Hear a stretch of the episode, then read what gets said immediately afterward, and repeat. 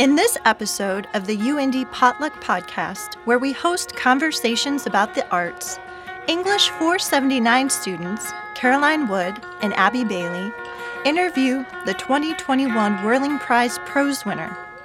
Etchings Press, a student run publisher at University of Indianapolis, awards the Whirling Prize each fall to two books that demonstrate an excellent and compelling response to a theme selected by students. The 2021 theme was nature, and in this podcast, the student judges have a conversation with journalist Richard Louv, author of the winning book, Our Wild Calling. Richard Louv is a journalist and author of 10 books, including Our Wild Calling How Connecting with Animals Can Transform Our Lives and Save Theirs, and Last Child in the Woods. His books have been translated and published in 24 countries and helped launch an international movement to connect children, families, and communities to nature. He is co founder and chairman emeritus of the Children and Nature Network, an organization helping build the movement. As a journalist and commentator, Louv has written for the New York Times, the Washington Post, the Times of London, Orion, Outside, and other newspapers and magazines. Richard Louv speaks internationally on nature deficit disorder, a concept he first introduced in Last Child in the Woods, on the importance of children's and adults' exposure to nature for their health and on the need for environmental protection and preservation for greater access to nature and the health of the earth. We hope you enjoy this episode of UIndy's Potluck Podcast.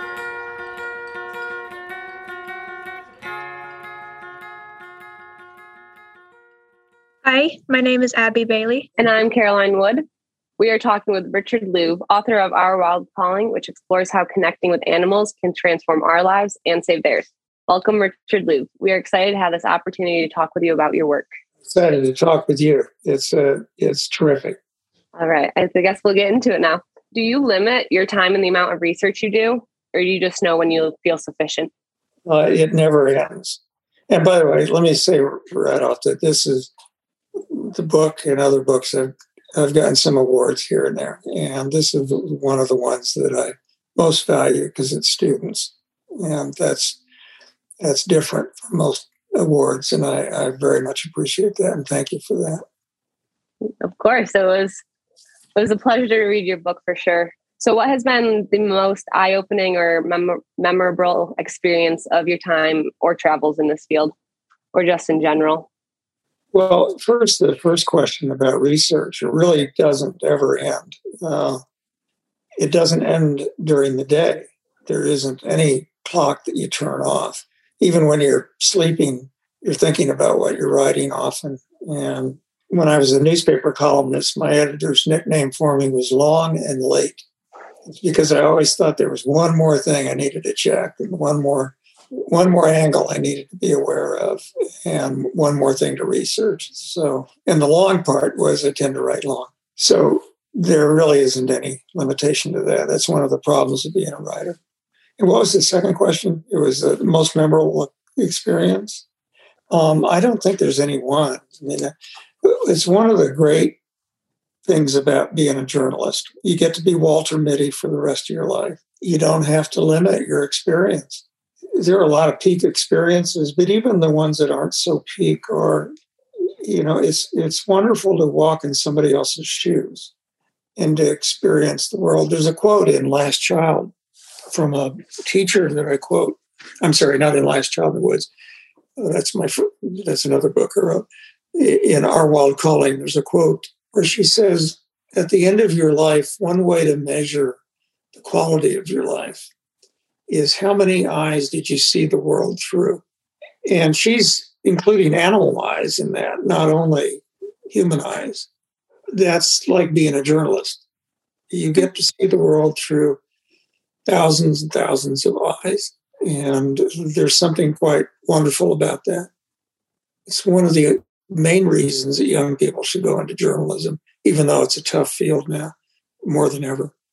So, um, what was the driving force behind switching from journalism to writing nonfiction books? Um, well, there wasn't a transition from journal. I'm still a journalist. It's the format more than anything. I, I started out as a, in the 70s as a, you know as a student at University of Kansas and majored in journalism and ended up writing for newspapers, freelance, and magazines, national magazines, and all that. And then I was went off and wrote a book from one of my long series that I wrote. I specialized in long series about depressing social issues. and uh, one of those in early 80s was America 2, Roman numeral 2. And took me about a year and a half to finish that book. And then I came back as a columnist for the San Diego Union Tribune. That's also journalism, but it's journalism mm-hmm. with an opinion, or, or I'm not sure opinion is the right word. It's from a particular point of view. And I did that for 26 years. I had one or two columns a week for 26 years. But during that time, I started writing books as well as my column.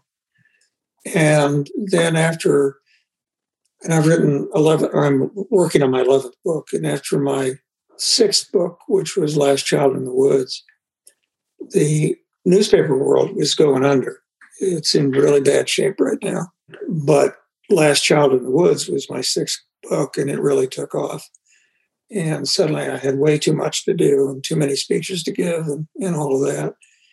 And I could shift at that point full time to, to writing books.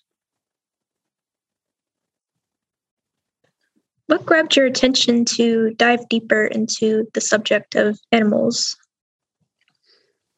Well, the uh, almost all of my books have had some element about nature in them. Often children come up as an issue in my books, but not always. I had written three books about human beings and nature in general, starting with Last Child in the Woods. The subtitle was of that was uh, Saving Our Children from Nature Deficit Disorder. That phrase is kind of a corny phrase that my uh, publisher talked me into having on the cover of the book, and I resisted because I'm a hoity-toity journalist, and I would never stoop to a, stoop to a bumper sticker. But I'm really glad they did because that that phrase, that term, took off. It's now entered the language. It's actually entered quite a few languages, and it helped make that book into a, a big success, eh, success, and it still is, to my surprise. The other two books followed that, or three books. Next was The Nature Principle, which was more about adults and imagining a society in which our lives were as immersed in nature every day as they are in technology. What would that be like? What would our cities be like? What would our homes and schools and lives be like? The third of those four books on nature deficit disorder was vitamin N, and it was one of those kind of books that I don't like to read, which which is 500 things you can do. But by that time, I felt that there was a real need for that kind of book. All kinds of mm-hmm. parents and teachers were sending me ideas for things that they could actually do, and that cities and churches and schools could actually do, as well as um, individual families. So that was that book. But all along, animals were part of that particularly wild animals. But one of the things I noticed was that when I wrote Last Child in the Woods, there were about 60 studies that I uh, cite with some uh, degree of confidence on the disconnect between children and nature or, or the health benefits cognitive benefits and other benefits that comes from being in nature. Only 60. The academic world had all but ignored the impact on childhood development, but also on human development throughout our lives of nature experience. Since then, those kind of studies have been kind of become kind of a growth industry. If you go to the Children and Nature Network website, which is the nonprofit that grew out of Last Child, we have on there an online database or an online research library with abstracts of over a thousand studies now. It's grown tremendously in terms of the amount of research now being done on this issue. But I notice that almost all of them are studies on the impact of green space, of parks, of gardening, you know, plants around your house, hiking in the woods, all of that. Many of those studies kind of assume, I guess, that there are some animals uh, in that vegetation, in those woods, in those yards. But they're never very specific about that. And so I wondered, why is that? Why aren't we asking how animals affect our well-being and our cognitive functioning and our and our uh, sense of who we are and our sense of awe and all that? There was some research on animal-assisted therapy, the, the impact mainly domestic animals or all domestic animals have on uh, people with disabilities, have on people with learning deficiencies, uh, mental illness, and all of that. There's quite a growing amount of research on that, but hardly any at all research on how wild animals affect us, how they contribute to our development, both as children but also as adults. Big gap there. So I wondered about that and that's where that came from. And, and, and also because I, I happen to be an animal guy, I'm more of an animal guy than a plant guy. And I, I one of the books, Nature Principle, I confess I'm a little bit plant blind, but I, I prefer lizards, you know. But uh, but I'm trying to get over it. My wife says I'm not as plant blind as I say I am. That's actually funny because I'm in a, a, plant biology class right now. And our first day, we talked about plant blindness and how during this class, her goal is by the end that we're no longer blind to everything. And it's very interesting, even like in the first week of classes, how much more I'm noticing on campus and around us and everything. And it's quite extraordinary how I was so unaware of this term plant blindness and now at totally like changing me in a way, very small way, but it is nonetheless. So that is that's cool that you brought that up as well. So moving on to the next question. How did having kids impact your view on the natural world? Because you talk a lot about kids and everything, but having your own, did that impact anything? Well, sure. The genesis of the book, or part of the genesis of the book of Wild Calling was uh, was we were out to dinner one night, my wife and I and our two boys, and who are now, man, I have to stop calling them boys. One of them's 40 and one of them's 34. I guess I got to stop calling them boys. Uh, but this is when they were little, and we were out to dinner about 18 years ago. And uh, the, the younger one, who's probably about eight then, I think, looked at me funny. And I don't know what I was talking about, but he said, Dad, how come you're always talking about how much fun it was when you were a kid? You were always building tree houses. You were always out exploring the woods and all that. We don't get to do that. How come you talk about that all the time? As you can guess, my younger son is um, is, is is direct, and and it stunned me that I, I said, oh, I think his his actual sentence was, "How come you you're you had so much fun as a kid?" I said, "Well, you have fun all the time. You know, you play video games with your buddies." And he said, "No, but you you built treehouses. You were in the woods." And now, let me say right away that already then I was certainly taking my kids outside, and we were spending a lot of time in nature. And we lived in a house that had a canyon behind it in San Diego that we moved to specifically so they could have some nature.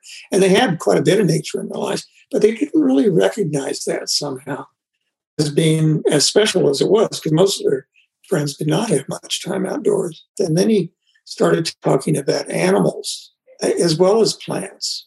And that really set off the my thinking on on this book. I'd written about childhood before, but what was he saying?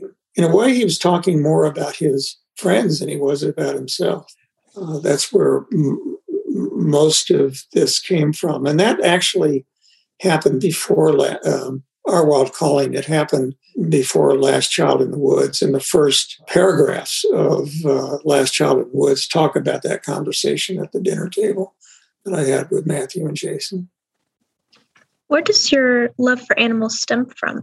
Believe it or not, I was a kid once, and I spent much of my time in the woods with my dog, whose name was Banner, and he uh, was a collie. And a lot of times my parents did not know where I was, but Banner always knew where I was, and he knew what to do when I was when I was up to no good.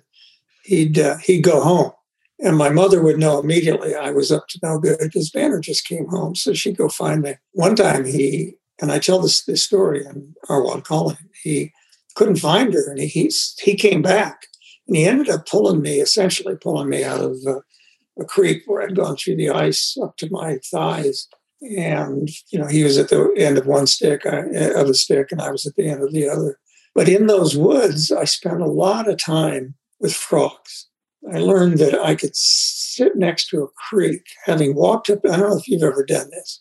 If you walk up to a creek in the woods in the summer, certainly in the Midwest where I was growing up, the, the frogs, you hear all this splashing, the frogs were jumping in the in the creek. But if you sat down, if you waited and you were very, very still, the frogs would start appearing again. And then if you just sat there, you could essentially become a frog. You could feel what it was like to be a frog. And that was a great feeling. And I learned that on my own. I don't think anybody taught me that, but it was true with all kinds of other animals, the squirrels in the trees. There weren't actually that many squirrels in those woods because at that time outside of Kansas City, people were still hunting squirrels. They were still eating squirrels, you know, in the in the 50s, wasn't that long after the Depression. But snakes, I collected snakes, all kinds of animals. And my dream was to see a bobcat someday. I never did see a bobcat as a kid, but where I live now, there's I'm looking out the window right here, and there are mountain lions that walk through our property that can be seen from this window. Not by me personally, because they're always at night, but I have trail cams out there. So it's very magical for me to live where I live now. So my my boyhood was filled with animals. I had turtles, and my parents would go out on the on the roads. That we drive the roads in Missouri after a rain, and the box turtles would be migrating often at a certain time during the spring. And, my father hit the brakes. My mother would jump out of the car and grab a a box turtle out of the road so it wouldn't get hit because they were splattered all over the road at that time because they in pretty big numbers they would migrate and she put it in the back well of the back seat with me and i'd take them home and create a uh, my father helped me make a turtle pit and they would live in there all summer and then in the fall i would take them out and let them go somewhere usually we try to find where it was we found them so I was surrounded by animals. My dog, it, it, was very much my life, and I'm going on too long to answer your question. Sorry. Don't be sorry. Do you have any animals right now? Do you have a yeah. dog or anything? We haven't had a dog in, in about 11 years. It was one too many trips to the vet, that last mm-hmm. trip to the vet. And I didn't really want to do that again. But at the beginning of the pandemic, like a lot of people, we realized we were going to be inside a lot and away from other folks. So we needed some pets. And we, would had cats and dogs and all that. We had a cat longer than we had a dog, but it too went to the vet for the final trip. So we screwed up our courage and we started looking for a dog. But we had friends live across the mountain from us that their dogs had, had cornered two kittens in a tree. They were stray cats and these kittens were starving and were in bad shape and the dogs weren't letting them come down. So our, our friends called us and they knew we were looking for a pet. And so they said, why, why, don't you come get these kittens? And my wife said, well, let me talk to, to Rich. We'll, we'll sleep on it. And our friend said, okay, well, that's a good idea. You think about it, you sleep on it. And then tomorrow you come get these cats. So we did. And uh, they're great. One of them is called Piccolo Pete otherwise known as the musical gunslinger. And the other, the other one is called Mr. Henry Hightop because he likes to get up on top of things. And uh, he insists on having his first name, uh, Mr., that part of his name, spelled out, just like Mr. Rogers does. I don't know why he does that, but he insists on that. So we have these two great cats, and they've been great for us over this last year. They're very funny, very different, and uh, we love them a lot. And by the way, my wife finally said, We're letting them sleep in our bed. For almost a year, we kept them out of our bed. And there's no turning back now. They're in our bed, whether we like it or not. So we don't get that much sleep these days, but they're getting better. My favorite part of our wild calling was probably um, pretty near the beginning when you were, believe you were in the Arctic and you'd seen the large fox. And so I was kind of wondering what you were thinking when you'd seen the fox. This is on Kodiak Island, and it was actually the moment I, in addition to my son asking me those questions, Uh, it was the moment that that I the idea of doing this book on animals really came to me, and a particular aspect of this book on animals came to me. We were, my son was a fly fishing guide, as we were talking about earlier. This, he's my son is an interesting guy. He uh, he is a he is a vegan, but he fishes, and I know that's contradictory, but. Uh, uh, Matthew, I knew he had the fishing gene when he was three because I caught him fishing in the humidifier and he loves to fish. So I still fish with him. I think I would have stopped a long time ago, but that's part of our bond.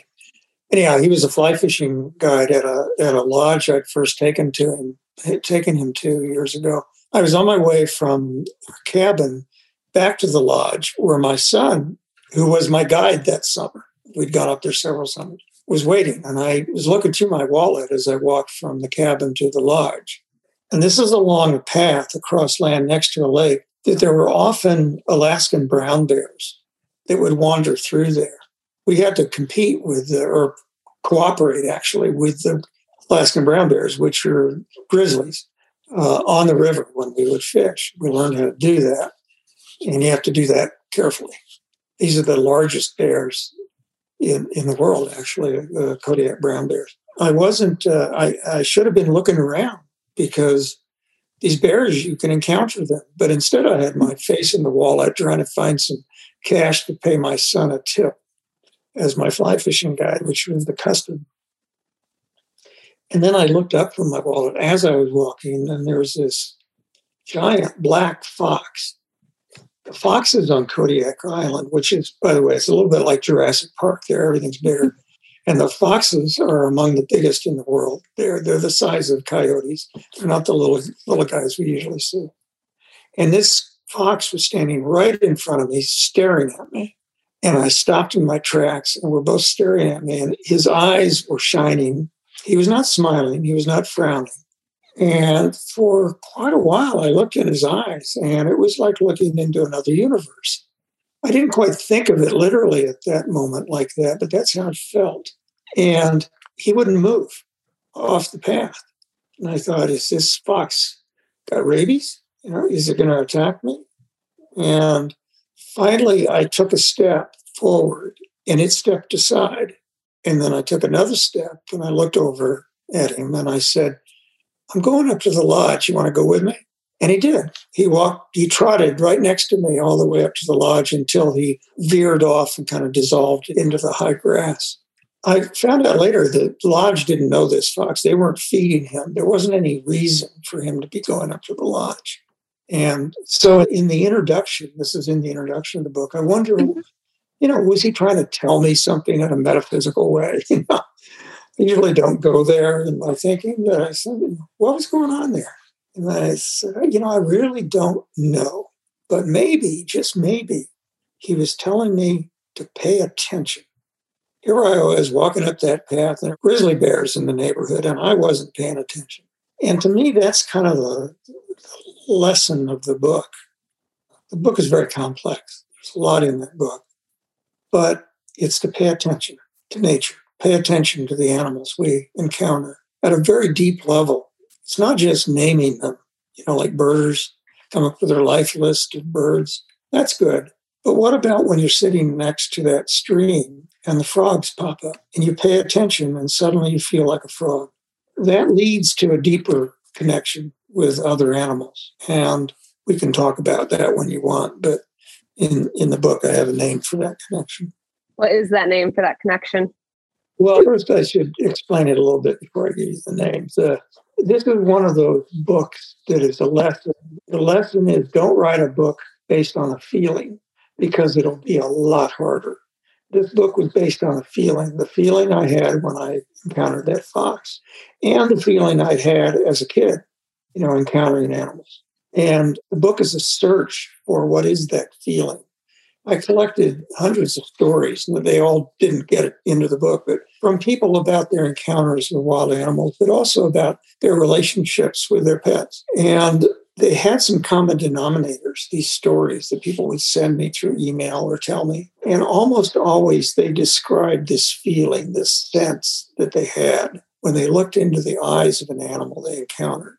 And they describe certain aspects of that, kind of characteristics or common denominators, like I decided were states of consciousness in a sense. One was that time disappears or bends. Another is that your sense of scale changes. You know, if you ever get down and watch an anthill for a long time, your sense of scale of the world changes. And there were lots of other uh, altered states that they described. But they added up to this one particular feeling. Martin Buber wrote this great essay called I and Thou. And in it, he said that you and I don't really exist. What exists is between us, it's the relationship. And without that, you and I don't actually exist. Now, he meant that metaphorically, but in a way, he meant it real, in a physical way almost. He considered the relationship between two people differently from the way we usually use that word. He thought of it as a form of electricity that some people call God. That's what these people in all these stories that were sent to me were describing in so many words. They didn't use God as a word. They didn't say electricity, but what they described was that this accumulation of a cluster of altered states. And that's what I felt. And I, many of those stories are, you know, a scientist who, a marine biologist works at Scripps Institution of Oceanography named Paul Dayton, hardcore scientist, one of the most famous oceanographers among oceanographers in the world. And he told me about an encounter he had as a graduate student at the University of Washington when he was on the bottom of the ocean. He was collecting samples one day of starfish. He was studying starfish. And he felt something very large come above him he was down on the, the bottom of the ocean and he felt it. He his intuition said there's something very large above him, and it stopped. And that's usually not a good sign. And he looked up out of one corner of his eye and he saw a big tentacle coming down. And then he looked up out of another eye and he saw another tentacle coming down. And he finally looked up and he said, at the, at the risk of anthropomorphizing this creature. He said it was one of those giant Pacific octopuses that have a 12, 13 foot wingspan. And he said, it looked down at me and it decided I was a clam. And it came down and got me. And it did. It wrapped him up with his tentacles on the bottom of the Pacific Ocean and he couldn't get out. He said people think those tentacles are soft. They're anything but. They're rock hard if you're trying to loosen them. They also have these peculiar properties. They're filled, the skin is filled with photons. Those are the cells that help an animal, help our eyes. They're in our eyes to see. And they're in the skin of the octopus's arms. The arms, each of them have what amount to essentially is an independent brain. All these brains work together. The octopus is a very strange animal. It's very, very intelligent. And, uh, you know, he said, you know, he, he wasn't saying the animal, the octopus could see him with its arms, but it was certainly getting to know him better and he couldn't get out. And at that point, he realized he was almost out of oxygen. He was running out of oxygen in his tank. And so, with the last of his strength, he kicked off the bottom, and he and the octopus started going up through the water, the column of the water, higher and higher. And as they went up, the octopus, the giant octopus, moved around his body. And as it did, he could feel the razor sharp beak of the octopus moving around his throat until he was looking into the eye of the octopus. And he said something happened. Remember, this guy's a hardcore scientist. He said, again, at the risk of anthropomorphizing, he said, I think the octopus and I made our non aggression pact.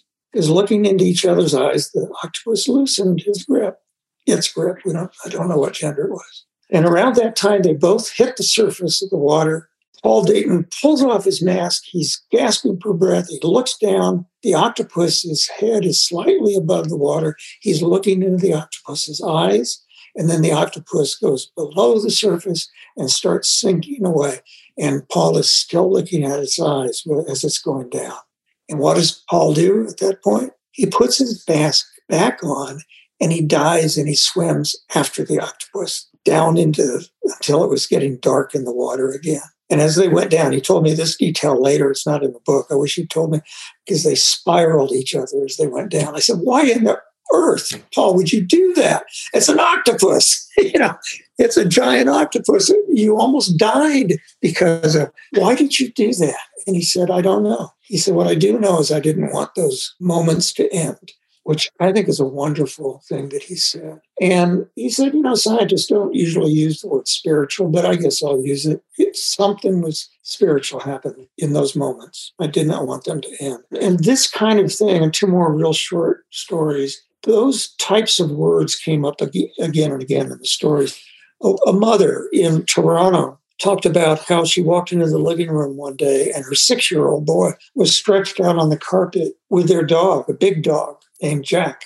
And the boy had his arm around Jack. They were facing the same way, but stretched out on the carpet. And she heard her little boy say, Mommy, I don't have a heart anymore.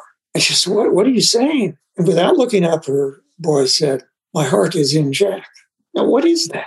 What is that? That permeability between two beings that that boy felt. I felt that. You felt that. We usually feel that with people. We also feel it with animals.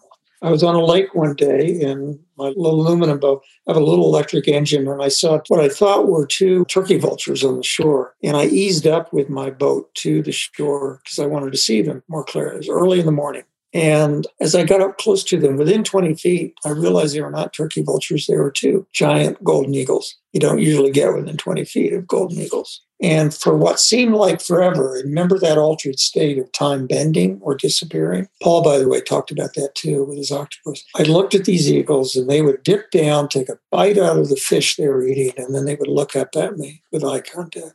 And they would go down again, up again, down, take another bite, and then look at me in those moments, the same thing I felt that the others had described to me. Something happened. I went home and told my son about this. And I said, I can't explain it. This is kind of beyond human language. You know, I do know that something transpired there that I can't explain and that I did not want those moments to end.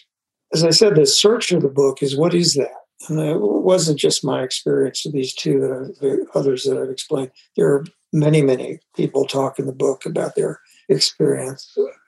So I decided to, to name it. I like to name things. This thing between us and other animals that we don't pay attention to, but is there. And so I call it the habitat of the heart. And I think that there are two habitats. There's the physical habitat that we spend a lot of time trying to protect and nurture and teach our kids about, as we should. And then there's this other habitat, the habitat of the heart, which we spend very little energy paying attention to and teaching our kids about and protecting it. But here's the deal if one of those habitats, one of those two habitats goes, so does the other one. I think the future of environmentalism in many ways depends on acknowledging the habitat of the heart almost all environmentalism has moved toward data now. We try to make the argument about climate change and biodiversity collapse often based on numbers, on data, on scientific studies, which are extraordinarily important, but clearly they're not convincing hearts and minds. They're not making the difference that we have to make in order to deal with those. And I think that what has to change is really in our hearts. It's in the habitat of the heart. Is it, it's in what is between us and the rest of nature, which has its own agency, has its own, I think, consciousness in a way. I appreciate it. That was a great answer. Actually, when you were talking about the dog Jack, that was one of my favorite parts of the book when I was reading it. That part really stood out to me because I've grown up with dogs. I have a dog here at college with me. So having that connection with an animal is just totally something in itself. So thank you for sharing. So, thank you for coming to talk with us this evening and for sharing your answers. We really appreciated your answers. I feel like they were very impactful and we really enjoyed reading Our Wild Calling. Really happy you enjoyed it. I'm really happy you selected it. I find it extremely gratifying that students like it. Thank you. Listeners, we hope you will check out Our Wild Calling by Richard Louv. We'd also like to thank team member Kim Owen for helping us prepare for this interview. You can learn more about this 2021 Whirling Prize and Prose winner at our website, which we will link in the podcast description. Thank you for listening to the UIndy Potluck Podcast, hosted by students and faculty of the University of Indianapolis. We would like to thank our guests in the Shaheen College of Arts and Sciences. To learn more about the UIndy Potluck Podcast and to hear other episodes, please visit etchings.uindy.edu forward slash the hyphen potluck hyphen podcast. Thank you for your support.